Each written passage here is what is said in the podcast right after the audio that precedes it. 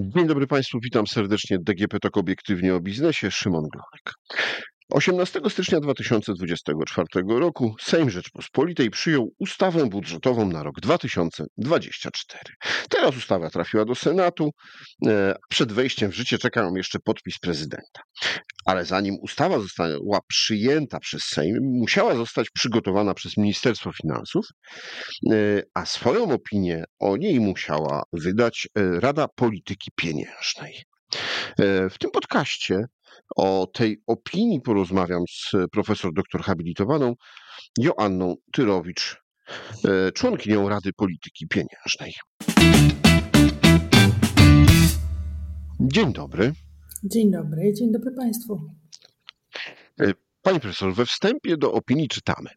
Formułując niniejszą opinię, Rada Polityki Pieniężnej zwraca uwagę przede wszystkim na założenia makroekonomiczne projektu ustawy, oczekiwane e, oddziaływanie polityki fiskalnej na gospodarkę, w tym w szczególności dynamikę popytu, a także na perspektywy utrzymania stabilności finansów publicznych. No, język bardzo e, szczegółowy i ekonomiczny, ale gdybyśmy tak dla naszych słuchaczy mieli powiedzieć, czy nie zapytam, czy to jest budżet dobry czy zły, tylko czy to jest budżet realny. To akurat wybrał sobie Pan wyjątkowo złego rozmówcę do tego tematu, ponieważ y, w moim głębokim przekonaniu nie jest rolą Rady, a już na pewno tak ja rozumiem swój mandat, opiniowanie działań czy polityki gospodarczej rządu e, w takim zakresie, w jakim to przynależy do rządu. I ten wstęp, który Pan przeczytał, sam sobie oddaje, czemu ta opinia jest bezsensowna w ogóle, ponieważ zadaniem Rady Polityki Pieniężnej i Narodowego Banku Polskiego jest utrzymanie cen w celu. My konsekwentnie tego zadania nie realizujemy. Ciągle wszystkim tłumaczymy, czemu osiągniemy ten cel później, y, a nie wcześniej. I zamiast czytać ustawę budżetową z perspektywy tego, jaki będzie jej wpływ na procesy cenotwórcze w gospodarce i na ile on będzie stabilizował, a na ile stymulował wzrost cen, to my czytamy z perspektywy, mógłby Pan przytoczyć jeszcze raz, stabilności finansów publicznych i wpływu na zagregowany popyt. To w ogóle nie są nasze zadania. Te zmienne mają wpływ na procesy cenotwórcze, ale to nie jest naszą rolą, żeby oceniać te aspekty e, pracy innych organów, w tym w szczególności rządu czy. E, czy to nie jest po raz pierwszy, kiedy taka opinia została wydana, w sensie opinia do budżetu Rady Polityki Pieniężnej. Ja, ja, ja, też weszłam w jakieś takie stałe tory, e, ponieważ byłam przekonana, że to wynika jakoś z ustawy. Dopiero niedawno przeczytałam ustawę. To mój błąd i ze wstydem się do tego przyznaję. I to jest pewnie jakaś zaszłość e, z lat 90. Jest konstytucyjna zasada współpracy organów, w tym w szczególności rząd i, i Rada Polityki Pieniężnej powinny współpracować w celu stabilizacji gospodarki. Rada ma prawo nie współpracować z rządem, o ile zagrożony jest cel inflacyjny. To znaczy, Rada ma prawo e, utrudniać e, na przykład e, nie wiem, osiągnięcie wysokiego wzrostu gospodarczego albo innych tam celów, jakie rząd mógłby sobie postawić, jeśli zagraża to naczelnemu celowi Rady Polityki Pieniężnej, czyli stabilizacji inflacji. E, tak jest dokładnie napisane w polskim prawie.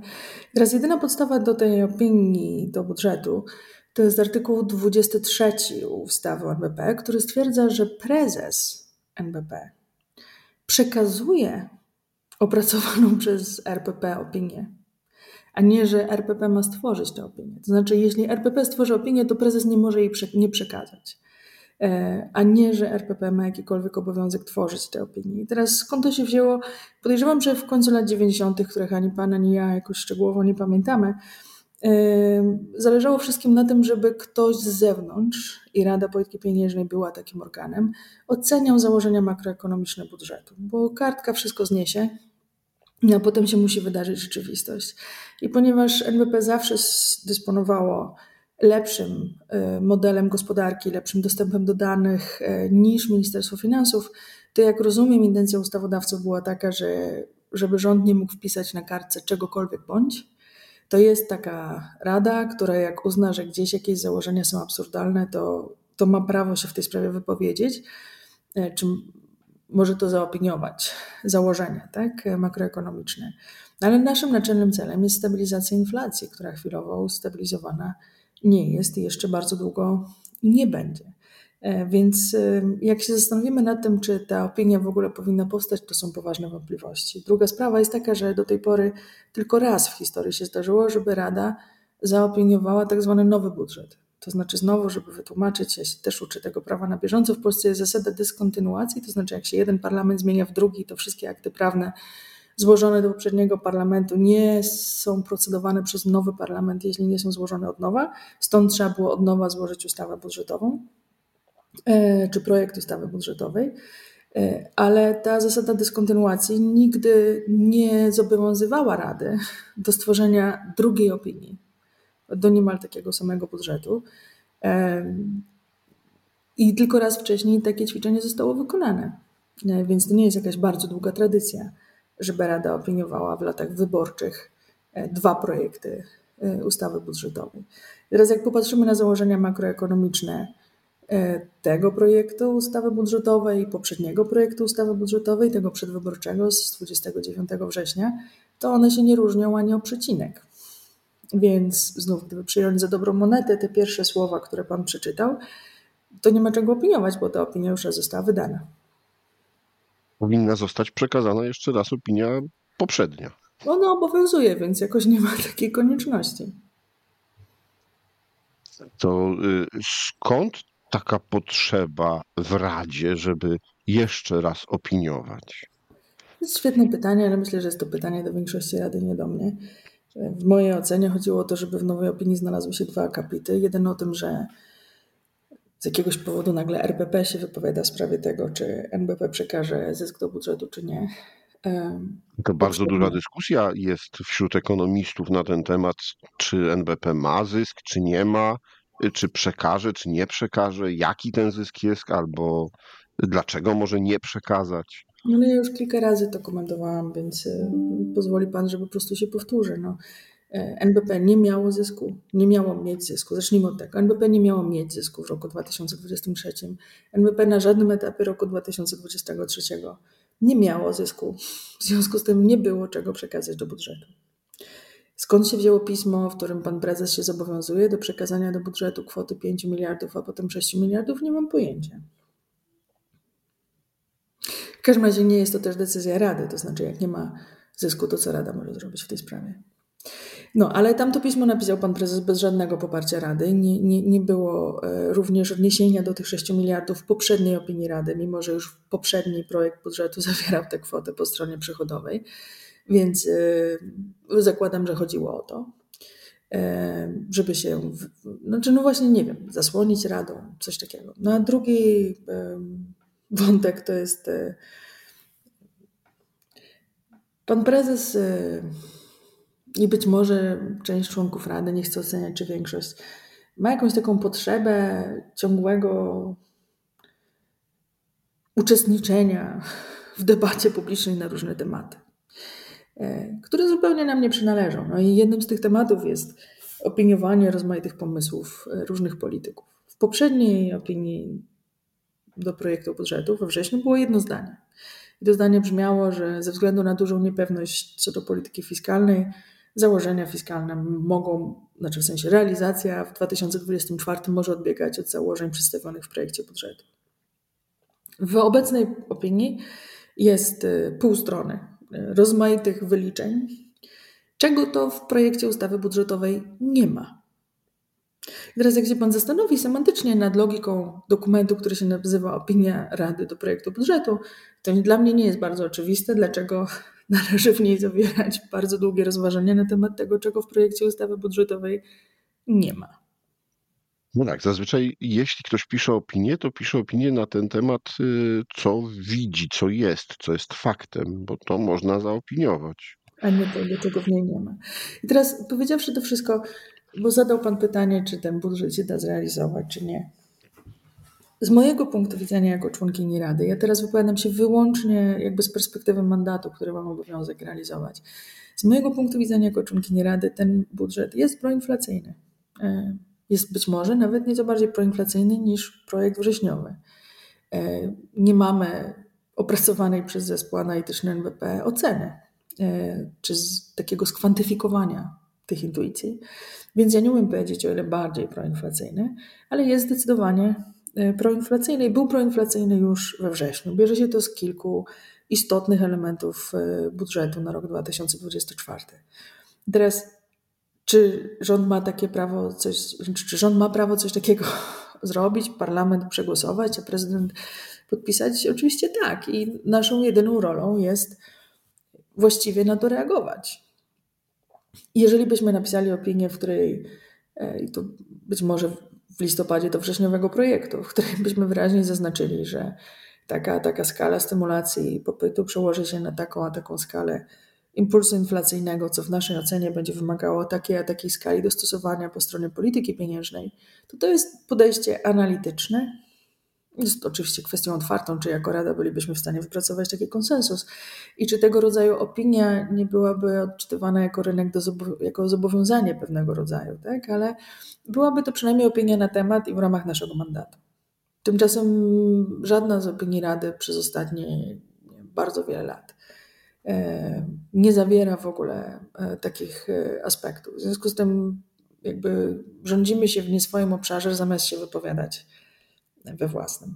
I tak samo było z opinią zeszłoroczną, w sensie ja już raz ćwiczyłam opracowanie projektu opinii Rady do projektu budżetu. To było w listopadzie 2023 roku. Wtedy złożyliśmy z Ludwikiem Koteckim zdanie odrębne do, do tamtej ustawy, ponieważ koledzy, którzy opracowali, do tamtego projektu, przepraszam, opinii, e, ponieważ koledzy, którzy opracowują te dokumenty, bo to też jest tak, żebyście Państwo mieli świadomość, że Rada, może inaczej, e, członkowie Rady nie są pełnoprawni czy równoprawni, czy są niepełnoprawni i tacy, którzy coś mogą, więc Rada dostaje dokument, w którym najczęściej nie może zmienić nawet przecinka. No chyba, że ktoś konkretny chce zmienić, to wtedy może. Ja nie należę do tego grona. Więc my dostajemy dokument opracowany przez, przez, przez pracowników NBP, tak?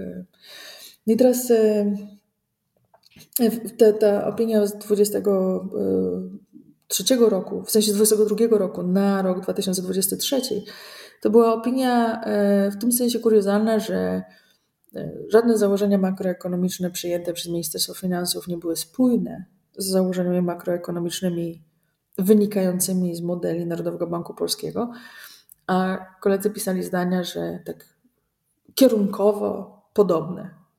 W sensie, że 23 będzie trochę inny niż 22. Ale nie było, w sensie żadna liczba, tak, nie była podobna. E, próbowaliśmy wtedy przekonać kolegów, że no to jest niepoważne pisać coś takiego, no ale nie udało nam się. Panie no dobrze, to jeśli budżet y, czy opinia do budżetu nie jest y, podstawowym, głównym zadaniem y, Rady, no to porozmawiajmy o tym głównym zadaniu, czyli o inflacji. Kilka razy pani o tym, e, o walce z inflacją. Kilka razy pani już o tym powiedziała, ale no dzisiaj w Dzienniku Gazecie Prawnej Łukasz Wilkowicz pisze, nie ma inflacji, jest deflacja w przemyśle. Rok do roku, w grudniu 2023 do 2022, spadek cen 6,4%. No to y, inflacja czy deflacja? Znaczy nie mylmy dwóch pojęć. Cel, jaki postawiono przed Radą, dotyczy cen konsumenta.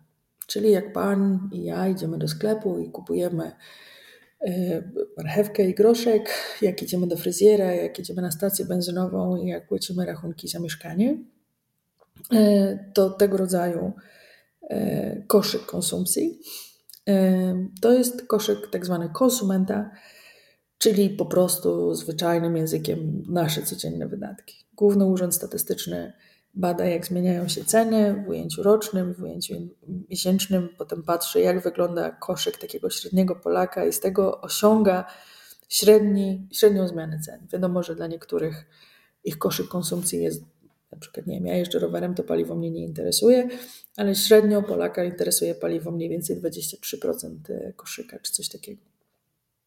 I teraz, czy wszystkie nośniki energii, przepraszam. E, I to jest cel, który się stawia przed Narodowym Bankiem Polskim, przed Radą Polityki Pieniężnej. Ustabilizować, by wskaźnik, który mierzy te ceny, e, trwale trzymał się 2,5% rok do roku. Teraz ceny, o których Pan wspomniał, to są ceny producenta. Można wykonać podobne ćwiczenie, kiedy popatrzymy na ceny w ruchu business to business. E, tam koszykiem, czyli tym ważeniem, nie będzie to, co Pani ja kupujemy, tylko jaka jest struktura gospodarki, jak firmy nawzajem od siebie kupują produkty i usługi. I e, taką, takie miary średnie też można policzyć i e, je przyłożyć do cen pomiędzy biznesami. I teraz wskaźnik PPI, czyli to cena inflacji konsumenckiej nazywa się CPI, czyli Consumer Price Index, a wskaźnik PPI, czyli ceny producenta, to jest Producer Price Index. I teraz wskaźnik PPI jest y, rok do roku ujemny już od jakiegoś czasu. Nie pamiętam teraz, czy to jest 6 czy 7 miesięcy, ale jakby ma ujemne dynamiki. Zaczął mieć ujemne miesięczne dynamiki, czyli miesiąc do miesiąca, y, już pod koniec, już na początku y, zeszłego roku. I jakby to jest fajna wiadomość, tylko zastanówmy się, skąd się te minusy biorą. Te minusy biorą się przede wszystkim z niższych cen nośników energii rok do roku pomiędzy przedsiębiorstwami. Teraz, jak Państwo patrzycie na swoje ceny nośników energii, to one e, pochodzą z następującego procesu. Wytwórcy energii dla gospodarstw domowych idą do Urzędu Regulacji Energetyki i proszą o zgodę na przyjęcie taryf na jakiś tam konkretny okres, najczęściej na rok.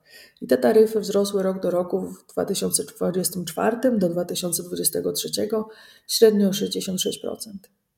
Ale na to przyszła regulacyjna nakładka ze strony parlamentu, który mówi, do pewnego poziomu zużycia energii gospodarstwa domowe płacą stałą stawkę i ona wynosi tyle.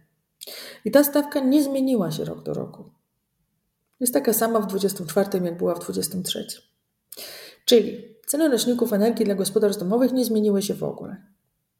A dla przedsiębiorstw nie są regulowane stawkami URE, nie są regulowane uchwałą, ustawą parlamentu, tylko wynikają z tego, jak na dzisiaj, na bieżąco wygląda rynek energetyczny. No i one dzisiaj są tańsze, w sensie w grudniu były tańsze 23 e, niż w grudniu 22. I znowu nie jest to bardzo zaskakujące, dlatego że koniec 2022 roku to było jeszcze e, bardzo silne napięcia związane i z agresją Rosji na Ukrainę i z innymi procesami gospodarczymi, podczas gdy 23 już jest taki bardziej business as usual i rynkowe ceny energii nie są tak wysokie, jak były w 22.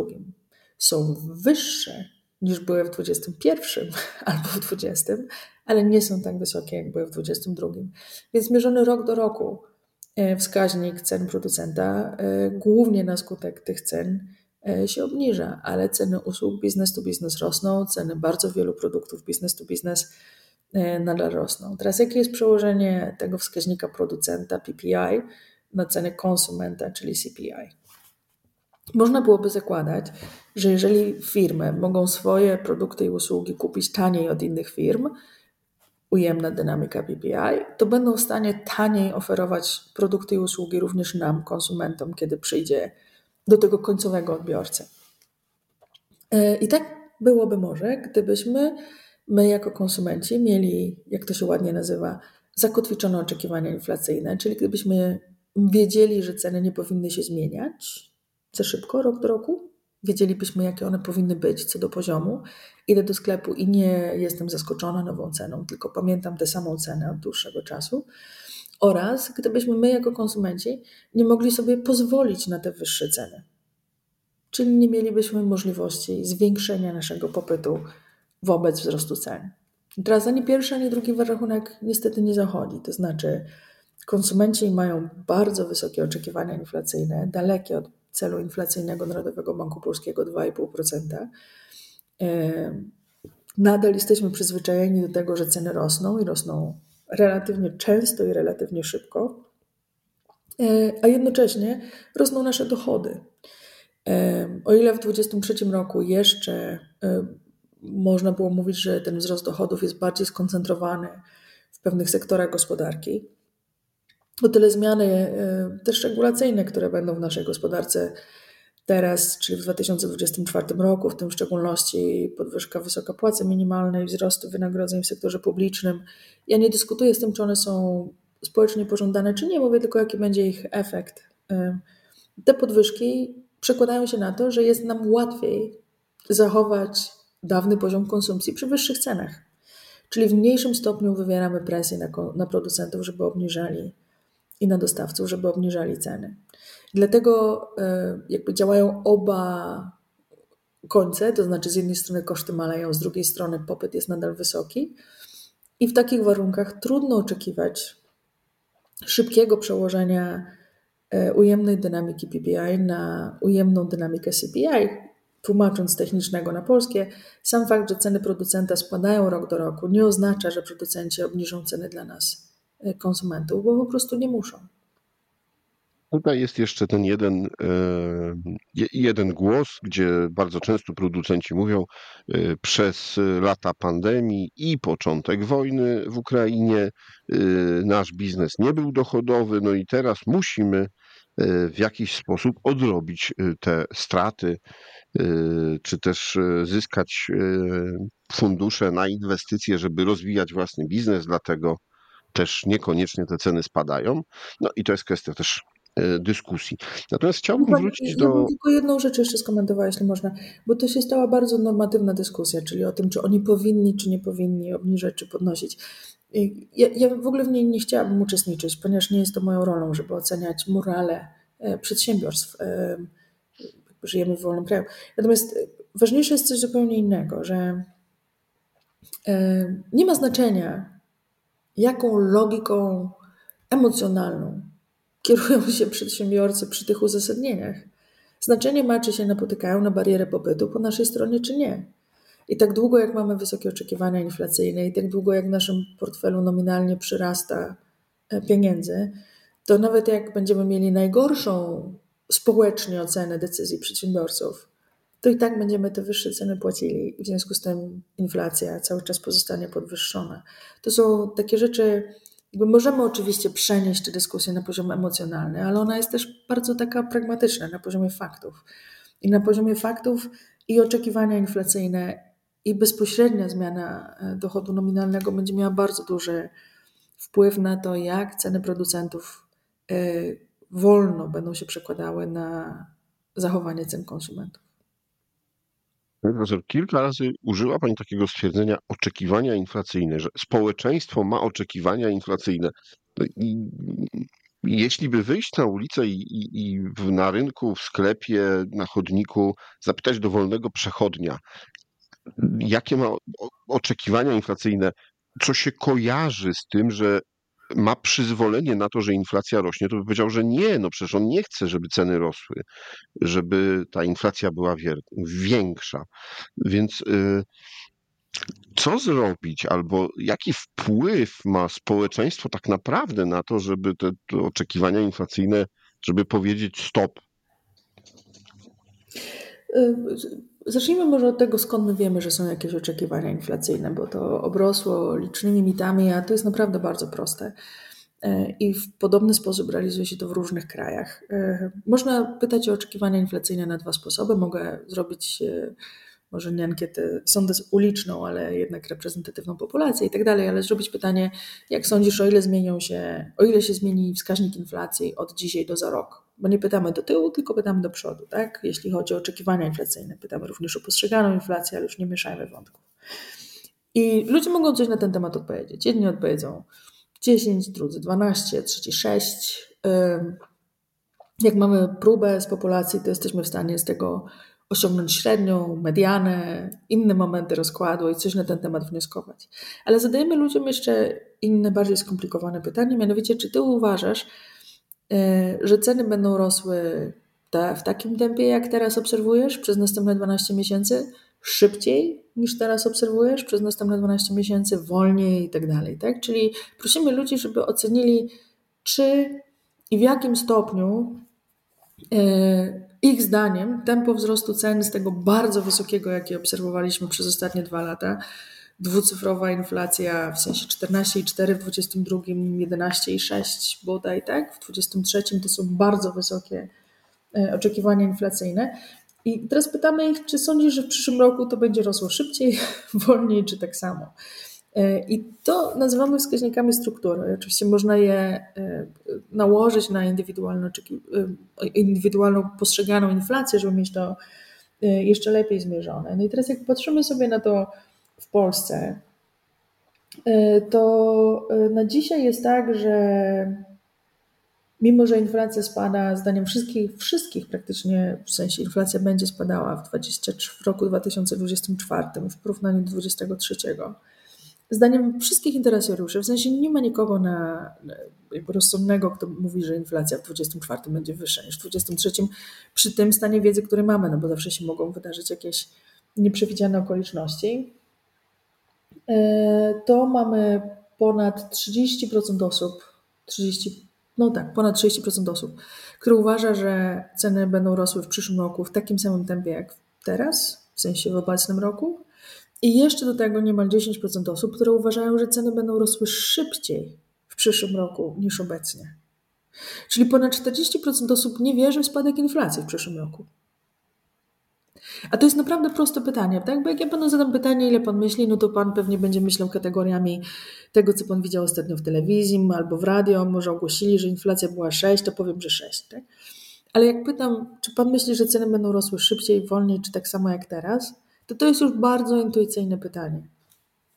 I na to pytanie e, ponad 40% osób, niemal 40% osób odpowiada e, na bieżąco, tak? Że nie będą ceny w Polsce rosły wolniej niż przez ostatnie 12 miesięcy. A to w praktyce oznacza, że mamy naprawdę bardzo duży problem po stronie komunikacji Narodowego Banku Polskiego, żeby przekonać e, uczestników rynku, nawet nie co do naszego zobowiązania, że sprowadzimy inflację do celu, bo jakby to bym rozumiała, e, czemu ludzie są sceptyczni. Natomiast nie jesteśmy w stanie ich przekonać co do naszej analizy sytuacji ani my, ani analitycy rynkowi, ani Ministerstwo Finansów, ani nikt taki. Teraz to jest poważny problem. Jak popatrzę na to, co się wydarzyło w Stanach na przykład, to o ile amerykańskie oczekiwania inflacyjne się e, zwiększały i odkotwiczały w miarę wzrostu inflacji, o tyle jak tylko Fed przystąpił do działań i ogłosił podnoszenie stóp procentowych, to jeszcze zanim te stopy faktycznie osiągnęły jakiekolwiek rozsądne poziomy, Oczekiwania inflacyjne grzeczniutko wróciły do mniej więcej 2,73. To jest taka średnia w Stanach długoterminowa. E, czyli wróciły do tego poziomu, który był zakotwiczony, niezależnie od tego, że bieżąca inflacja wtedy wynosiła u nich nawet 9 i niezależnie od tego, że za 12 miesięcy nie wydarzyło się 3. Dlatego, że wszyscy wierzyli, że inflacja zostanie sprowadzona do celu w relatywnie krótkim horyzoncie, na tyle, że po prostu przestali się zastanawiać, o ile się zmienią ceny, bo jak się mają zmieniać ceny o 3%, to my na to nie zwracamy uwagi, tak? Czyli w praktyce mówimy, że ceny się nie będą zmieniały. I dopóki my nie osiągniemy w Polsce takiego poziomu wiarygodności oczekiwań inflacyjnych, wiarygodności w kształtowaniu oczekiwań inflacyjnych, to dopóty e, ustabilizowanie procesów cenowych będzie po prostu bardzo złożone. Czyli podsumowując, poza tym jakie są mm, decyzje rynku przedsiębiorców, decyzje fiskalne, y, też zaangażowanie państwa, y, to bardzo duży wpływ na inflację ma to, co my, obywatele płacący podatki, konsumenci, oczekujemy. I jeśli będziemy oczekiwać, że ta inflacja ma spaść i będziemy to wyraźnie komunikować, to będzie to też um, ograniczało inflację. Wie pan, ekonomia to, czy gospoda- gospodarka, nie ekonomia. Gospodarka to jest coś bardzo intersubiektywnego, jak to się ładnie nazywa. To jest słowo Juwela Harariego. Ale to znaczy, że w praktyce wydarza się to, co do czego mamy konsensus. To znaczy, zawsze są jakieś zewnętrzne szoki, nieprzewidziane sytuacje, raz mniejsze, raz większe, raz pozytywne, raz negatywne, ale w praktyce wyznacza się, wydarza się to, co do czego mamy społeczny konsensus. Nie w tym sensie konsensus, żeśmy o tym bardzo długo porozmawiali, ustaliliśmy, że to jest dla nas najlepsze, tylko w tym sensie konsensus, że co do czego wszyscy się z grubsza zgadzamy. E, ja powiedziałam o, tym 40, o tych 40% obywateli, którzy nie wierzą w to, że inflacja w przyszłym roku, w sensie w obecnym roku, w 2024, będzie niższa niż w 2023. E, dramatycznie wzrosła grupa, e, jak to czasem ludzie nazywają partia, nie wiem. Dramatycznie wzrósł odsetek osób, które na pytanie, co się będzie działo z inflacją przez następne 12 miesięcy, odpowiadają nie wiem. W takich warunkach jakby człowiek idzie do sklepu i widzi, że cena wzrosła od kiedy ostatni raz coś kupował, albo ostatniej zapamiętanej ceny, bo to też nie znaczy, że to jest ta, którą ostatni kupował.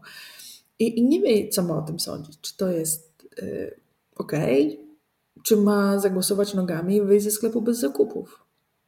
I, i dlatego zarządzanie oczekiwaniami, dlatego komunikacja banku centralnego jest tak fundamentalnie ważna, że jeśli będziemy w przekonujący sposób w stanie powiedzieć, jak roz, jakiego rozwoju sytuacji dalej się w gospodarce spodziewamy, to przynajmniej ci wszyscy, którzy przeczytają teksty Pana, teksty Łukasza Wilkowicza i innych dziennikarzy po rozmowach z członkami zarządu i Rady Polityki Pieniężnej, będą w stanie lepiej podejmować decyzje na bieżąco w sklepie. To także dotyczy nie wiem, zakupu dóbr trwałych i paru innych rzeczy. Proszę się zastanowić nad taką sytuacją. Wyobraźmy sobie, że się Pan spodziewa, że ceny w dalszym ciągu będą rosły tak szybko jak teraz. I akurat popsuło się panu jakieś dobro trwałe, albo zbliża się, sensie nie popsuło się jeszcze, ale no już pan czuje, że trzeba by je wymienić. Lodówkę, e, telewizor, cokolwiek. I myśli pan, że ceny będą rosły. To odkłada pan tę konsumpcję w czasie, czy leci pan od razu zmaterializować swój popyt? Im częściej będzie pan leciał od razu zmaterializować swój popyt, obawiając się tego, jak ta cena będzie mogła wyglądać w przyszłości, tym większą presję tworzy Pan dzisiaj od razu popytową, co pozwala przedsiębiorcom podnosić ceny, czy czasami wymusza na nich wręcz podnoszenie cen, bo nie ma tych dobrych usług na bieżąco dostępnych. To właśnie jest ten taki mechanizm, który, dzięki któremu, jeśli będziemy jakby rozsądnie, uczciwie rozmawiać o tym, czego się należy spodziewać w ciągu najbliższych 12 miesięcy, 24 miesięcy, i po stronie polityki pieniężnej, i po stronie polityki fiskalnej także, wszystkim będzie łatwiej podejmować na bieżąco właściwe, dobre dla nich decyzje. Kończąc już naszą rozmowę, e, zapytam o jeszcze jedną rzecz. Rząd przyjął e, w budżecie 6,6%. No to jest daleko od tego, co Rada Polityki Pieniężnej ma wpisane w swoje mm, założenia, czy też w to, czego ma bronić, czyli 2,5 plus minus 1. Kiedy możemy dojść do tego, do tej wymarzonej inflacji? To nie jest pytanie, na które, znaczy w sensie po tym całym długim wywodzie o tym, jak to uważam, że powinniśmy wszystkich Państwa informować o tym, jak sytuacja się będzie rozwijała, e, muszę teraz e, zjeść własny język i powiedzieć dwie rzeczy. Pierwsza jest taka, że E, zgodnie z naszymi własnymi modelami, czyli modelami Narodowego Banku Polskiego, nie do końca 2025 roku, więc jeszcze dwa lata. E, a potem to zobaczymy, bo nie mamy modeli, które idą dalej. I to jest żenujące, ale niestety taka jest prawda i to muszę Państwu powiedzieć. Co nie znaczy, że będziemy mieli cały czas bardzo wysoką inflację, to tylko znaczy, że nie osiągniemy celu inflacyjnego. Więc rzeczywiście, gdybym miała Państwa przekonywać, że macie Państwo wierzyć w cel inflacyjny 2,5% i nie wierzyć, nie przyjmować wzrostów e, cen w sklepach, to powinna za tym pójść działanie Rady Polityki Pieniężnej e, w postaci realnego zobowiązania do obniżenia wskaźnika inflacji w, krótkim, w krótszym niż na dzisiaj. E, to jest okresie. Znaczy będziemy mieli w Polsce 6 lat podwyższonej inflacji powyżej celu. To jest bardzo E, trudna sytuacja, bardzo zła sytuacja i bardzo złe realizowanie mandatu przez Radę Polityki Pieniężnej, której jestem członkinią. Natomiast drugi, drugie, co muszę Państwu powiedzieć, to jest to, że e, musimy sobie rozdzielić w głowie procesy inflacyjne od wskaźnika inflacji. Bo co nas czeka? Niezależnie od tego, niezależnie, może inaczej, Mam bardzo dużą niepewność co do tego, jak potoczy się polityka fiskalna w roku 2024, w tym w szczególności, jak kształtować się będą ceny żywności i ceny nośników energii dla gospodarstw domowych. Na dzisiaj stan prawny jest następujący. E, kończy się obniżka VAT na żywność i kończą się dopłaty do energii dla gospodarstw domowych. E, jedno w pierwszym kwartale, drugie w pierwszym półroczu. Gdyby tak faktycznie nastąpiło, czy to faktycznie nastąpiło, to mielibyśmy skokowy wzrost cen żywności, nieduży, tam jeden punkt procentowy łącznie wkład do CPI, ale tak. Mielibyśmy również skokowy wzrost CPI ze względu na duży jednorazowy efekt cen nośników energii dla gospodarstw domowych.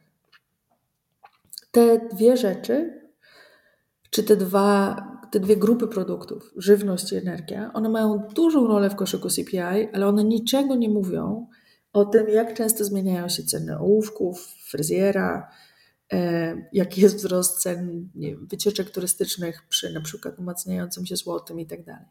Czyli po jednej stronie mamy procesy inflacyjne, czyli to, co dotyczy wszystkich cen w gospodarce, które nie podlegają takiej silnej regulacji, no ale po drugiej stronie mamy kilka cen. W przypadku żywności to jest więcej niż kilka, ale grupa jedna żywność, e, które w dużym stopniu zależą od tego, jakie decyzje podejmie e, rząd i parlament. A to w praktyce oznacza, że jest relatywnie duża niepewność co do tego, ile na koniec roku wyniesie wskaźnik inflacji oraz ile on wyniesie średnioroczny. Ale to jest tylko wskaźnik, dlatego że to, czy zapłacimy więcej czy mniej za rachunki w domu, za elektryczność i ogrzewanie, co ma oczywiście bardzo duży wpływ na dobrobyt i dobrostan gospodarstw domowych, ja z tym w ogóle nie polemizuję. Nie ma żadnego wpływu czy na to, czy zapłacimy, czy wzrośnie cena wszystkich innych dóbr i usług, które kupujemy na bieżąco. I dlatego to, co próbuję przekazywać, to jest, że o ile być może będzie 6,6, być może będzie bankowe, bank ma średnią dużo niższą, około 4,4, być może będzie jakaś liczba pomiędzy, być może rząd wie coś więcej o tym, jaką politykę fiskalną poprowadzi, jakie nie. To to jest tylko wskaźnik, średnioroczny wskaźnik na przyszłość. Praca Rady Polityki Pieniężnej będzie skończona wtedy, kiedy Wszystkie ceny w gospodarce będą się zmieniały rzadko i o mało. A nie wtedy, kiedy jakiś jeden wskaźnik osiągnie jakiś jeden dość arbitralny, ustalmy to poziom. I teraz, czy rząd jakby może sobie wpisać w założenia ustawy budżetowej jakąś inną liczbę, no ich swoboda, ich kartka papieru. Nie, nie, nie, nie, znaczy w sensie, próbuję powiedzieć, że to nie jest po naszej stronie, żeby oceniać, to jest na pewno wyższa oczekiwana inflacja niż wynikałaby z modeli Narodowego Banku Polskiego. Ale jednocześnie to, czy będziemy mieli średnio rocznie więcej czy mniej, w dużo mniejszym stopniu dzisiaj zależy od. Yy, może źle to formułuję. To nie chodzi o to, że w dużym stopniu, bardzo dużym stopniu, o kilka punktów procentowych, zależy od tego, jaka będzie decyzja rządu i parlamentu w odniesieniu do VAT-u na żywność oraz e, cen nośników energii dla gospodarstw domowych. Dlatego, dlatego właśnie najważniejsze jest to, że nawet gdyby te wzrosty się nie zmaterializowały, cały czas nie jesteśmy w celu e, i musimy sprowadzić cenę do celu. Teraz, czy to nasze niebycie w celu oznacza, że jesteśmy na poziomie 4, czy jesteśmy na poziomie 7? Naprawdę nie ma żadnego znaczenia, bo naszym zobowiązaniem, naszym Rady Polityki Pieniężnej jest e, dowieść, że się tak wyrażę e, kolokwialnie, dla wszystkich Państwa stabilne 2,5, miesiąc w miesiąc, przez kolejne miesiące i kolejne lata. E, a tu tak naprawdę decyzje po stronie polityki fiskalnej w dłuższym okresie nie powinny mieć żadnego znaczenia. Pani profesor, serdecznie dziękuję za rozmowę i za przybliżenie nam tego, e, jak wygląda sytuacja z inflacją e, obecnie i e, na co my jako konsumenci mamy tak naprawdę mocny wpływ, żeby ta sytuacja też dla nas jak najbardziej się poprawiała. Bardzo dziękuję za zaproszenie i życzę Państwu wszystkiego dobrego. Moim i Państwa gościem w podcaście DGP Tok Obiektywnie o Biznesie była profesor doktor habilitowana Joanna Tyrowicz, członkini Rady Polityki Pieniężnej, a rozmawiał Szymon Glonek. Do usłyszenia.